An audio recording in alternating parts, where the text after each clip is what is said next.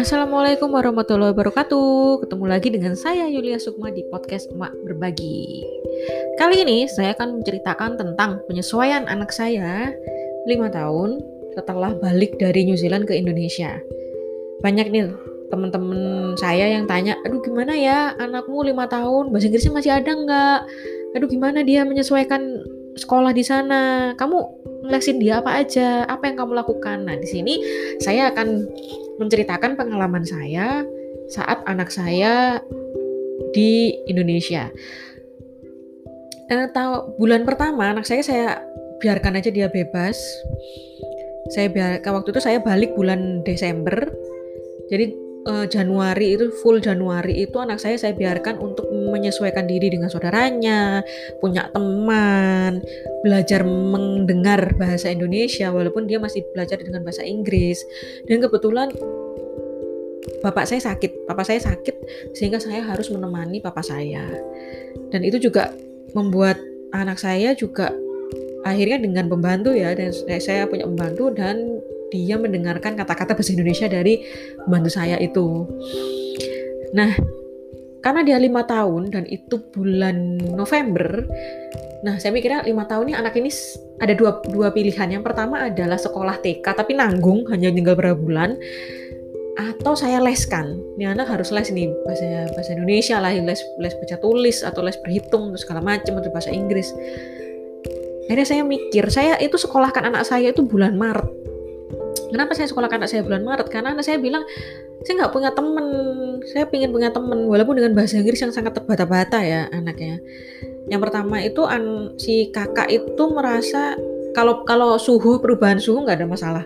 Justru adiknya itu yang mengalami diare muntah-muntah selama dua minggu, karena dokter bilang ini penyesuaian nggak masalah.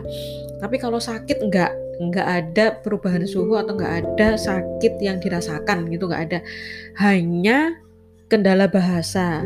Karena dia masih belajar bahasa Inggris ke bahasa Indonesia itu masih uh, switchnya kapan dia pakai bahasa Indonesia kapan dia bahasa bahasa Inggris itu masih agak bingung ya karena juga anak saya itu waktu usia tiga tahun setengah itu memang agak speech delay agak-agak lama ngomongnya pada saat dia sudah bisa bahasa lancar di usia lima tahun, ternyata nggak lama dia harus pindah ke Indonesia. Nah, itu penyesuaian lagi bahasanya di sana.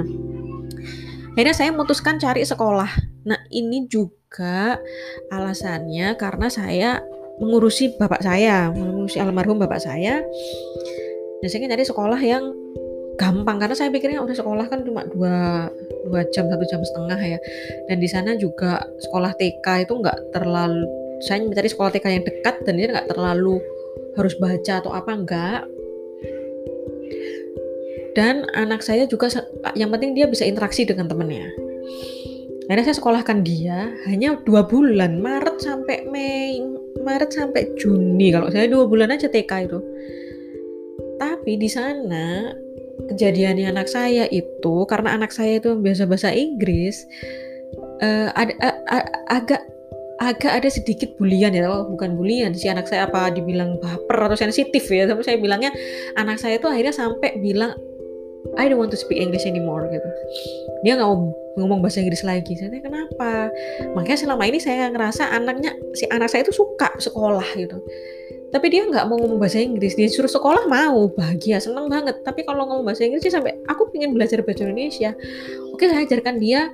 Akhirnya saya leskan dia bahasa Indonesia saya leskan dia belajar baca. Karena kebetulan anak saya itu belum bisa baca sama sekali. Jadi waktu les baca pun juga levelnya juga masih mulai dari tengah-tengah ya bukan mendekati akhir gitu mulai dengan tengah-tengah lagi. Nah uh, di situ saya juga konsul sama gurunya. Ya gini kan maksudnya ini ada hal yang biasa ya anaknya memang ya namanya juga anak-anak bilangnya seperti itu. Tapi memang nggak ada kontak fisik itu nggak ada ya. Sesatu kali sih kontak fisik itu. Dan anak saya itu kaget karena di luar di New Zealand itu kan nggak pernah kontak fisik. Dan kalaupun kontak fisik pasti nah orang apa gurunya pasti marah. Nggak boleh gitu nggak boleh namanya kontak fisik. Dan di sini kan kontak fisik biasa ya walaupun cuma megang bahu gitu kan tetap kontak fisik. Nggak jorok-jorokan enggak tapi kan tetap kontak fisik. Jadi kaget aja dia dengan uh, dengan kondisi yang ada di Indonesia ini. Tapi saya beruntungnya dia sekolah, jadi dia merasakan merasakan dua bulan itu gimana sih kamu sekolah, gimana sih kamu berinteraksi dengan teman-temanmu, gimana sih Indonesia itu seperti apa gitu kan. Nah, anak saya juga belajar bahas, uh, belajar membaca di situ, belajar juga berhitung, karena saya tahu saya juga menyesuaikan dengan sekolah di Indonesia ya, dan menyesuaikan dengan budget kalau ada yang bilang kan bisa sekolah internasional atau sekolah mana yang nggak mengajarkan bahasa atau nggak mengajarkan sesuatu yang sulit untuk anak gitu. Tapi ya lagi kembali lagi keterbatasan dana juga gitu kan dan keterbatasan waktu saya. Kalaupun saya bisa mengajarkan bisa, tapi saya fokusnya pada saat itu adalah saya uh, merawat orang tua saya, merawat bapak saya. Jadi anak saya uh, saya sekolahkan sambil saya tetap awasin juga. Setelah itu saya yang saya rasakan adalah anak saya punya suasana, punya teman, punya interaksi dengan sesamanya. Akhirnya bahasa Indonesia lebih bagus. Walaupun pada saat masuk SD saya sendiri juga bingung. Anak mau di SD-in mana?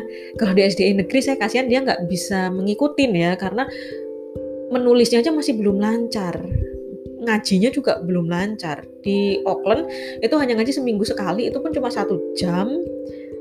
Dan dengan teman-teman yang besar-besar semua gitu dan dia masih masih ikro satu kan. Terus juga hafalan juga hafalannya masih surat-surat pendek aja. Baca juga apalagi baca dia baca di Auckland itu cuma baca level 1 berhitung pun juga masih 1 sampai 100 dan 100 mundur belum bisa penjumlahan atau pengurangan seperti itu. Jadi saya mikirnya, di mana kalau sekolah negeri nggak mungkin, udahlah, udah saya sekolah swasta. Tapi sekolah swasta pun yang menjembatani anak seperti anak saya, itu saya juga nggak mampu untuk bayarnya. Nah, bingung kan? Tapi saya pingin anak saya agamanya bagus, pingin anak saya juga bahasa Inggrisnya tetap kepake, dan pingin anak saya juga bisa diterima di sekolah itu, bisa memahami apa yang anak saya butuhkan. Akhirnya saya sekolahkan dia di sekolah dekat rumah. Di sekolah dekat rumah itu madrasah madrasah iya saya nggak nggak nggak punya uh, keinginan besar untuk anak saya. Anak saya harus harus bisa semuanya untuk anak saya harus bagaimana itu enggak selama anak saya itu nyaman di sana dan selama uh, gurunya tuh bisa menerima. Saya tuh nggak minta yang muluk-muluk lah dia harus hafalan berapa juz itu enggak. Yang penting dia nyaman. Yang penting dia sudah terbiasa dengan kehidupan di Indonesia. Dia sudah terbiasa dengan lingkungan islami. Dan dia sudah terbiasa dengan baca tulis nggak apa-apa. Dan alhamdulillah di sana gurunya pun ustazahnya pun menjembatani itu gitu akhirnya tetap ya anak saya tetap pulang. Pulangnya tetap telat karena juga ada tambahan karena saya belum bisa baca belum bisa nulis diajari baca dan tulis. Selama satu tahun pada saat kelas satu itu aman. Dia sudah senang udah punya hafalan yang lebih baik daripada yang sebelum sebelumnya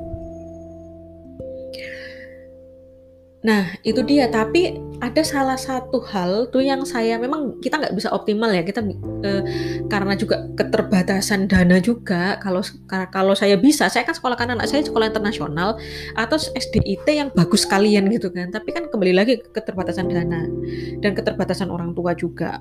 Akhirnya ya udah mau apa gitu kan. Akhirnya saya me, agar anak ini nggak kehilangan bahasa Inggrisnya, saya tetap membiasakan untuk berbicara bahasa Inggris uh, di rumah dengan ayahnya dengan saya. Itu pun juga anak saya setelah sekolah TK terus habis itu SD karena bahasa Inggrisnya hilang. Jadi agak kagok agak kaku agak mikir. Jadi saya sama suami saya udahlah kita kan masih punya dana tambahan kita leskan bahasa Inggris. Saya leskan dia bahasa Inggris akhirnya bahasa Inggrisnya udah agak lumayan udah lumayan datang lagi udah udah lumayan ngobrol lagi tanpa gap ya. Biasanya kan masih mikir ah uh, sekarang udah udah lancar lagi.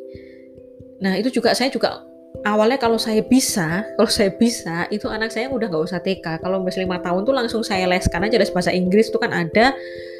Uh, di salah satu provider bahasa Inggris di Surabaya itu dia menjebatani gap ya. Pada saat anak dari luar negeri itu baru datang dia tuh bisa bisa melakukan transisi yang nyaman untuk anak ini gitu loh. Dan saya baru tahu, ah tahu gitu aku nggak usah nggak usah nyekolahin di sini aja. Tapi kembali lagi kalau suami saya kendalanya tuh adalah dana dan waktu itu tadi gitu ya udahlah saya bikin udah terbaik seperti ini. Tapi kalau saya sarankan ke teman-teman saya itu kamu leskan dulu lah les bahasa Inggris. Biasakan dia mendengar bahasa Inggris dulu dan mendengar bahasa Indonesia dari tempat lesnya.